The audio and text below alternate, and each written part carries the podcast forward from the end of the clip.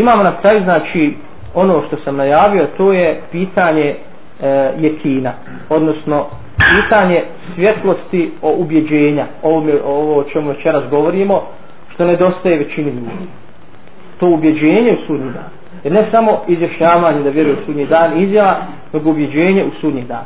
Kako se postiže ubjeđenje u sudnji dan? Opet se vraćamo na ono da uzvišeni Allah svakom čovjeku daje priliku u životu da upozna istinu da upozna istinu daje mu priliku da svjetlo ili nur istine da obasja njegovo srce i sad do njega je. Koliko će on prihvatiti tog nura te svjetlosti? Koliko će znači to prihvatiti u svome životu? I dalje ako to prihvati kako će to čuvati? Kako će čuvati taj nur koji mu svjetljava pravi put? Taj nur u srcu svakog vjernika znači vjernik njime gleda i njime prepoznaje šta je dobro šta je loše. Jer kaže uzvišenje Allah innaha la ta'mal absaru walakin ta'mal kulubu leti fi sudur. Kaže nisu slijepe oči. Čovjek to su dva organa kojima čovjek gleda ono što je jeli, vidljivo, pipljivo.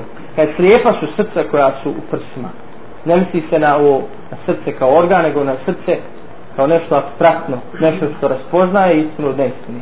Ono što spoznaje ono što spoznaje istinu i što spoznaje znači što spoznaje laž.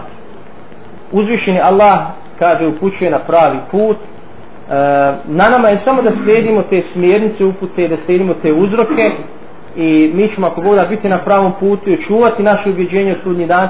Što se budemo više udaljavali od tih smjernica naše ubjeđenje će slabiti i postaćemo sve slabiji vjernici. Tako mnoge stvari više nećemo moći vidjeti i prepoznati. E, i zlo ćemo gledati dobrim a dobro ćemo gledati zlim.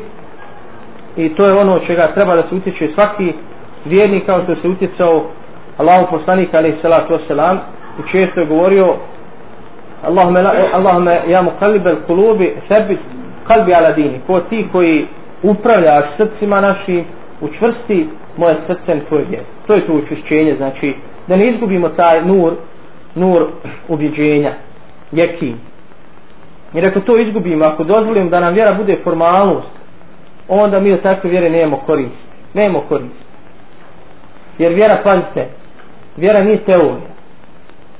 I vjera nije e, historija čovječanstva. Pa da mi izučavamo vjeru kao, kao samo historiju. Da govorimo o poslanicima e, o njihovim, njihovim narodima šta su doživljavali. Da izučavamo njihove jeli, njihova naselja kojima stanovali tako dalje da govorimo e, o tome šta su koji učenjaci govorili i tako dalje nego suština izučavanja vjere jeste da da spoznamo istinu da je prakticiramo u svome životu. Jer samo tako ćemo imati znači koristi od vjere i samo tako ćemo postići ono što uzvišen Allah subhanahu wa ta'ala e, traži od nas.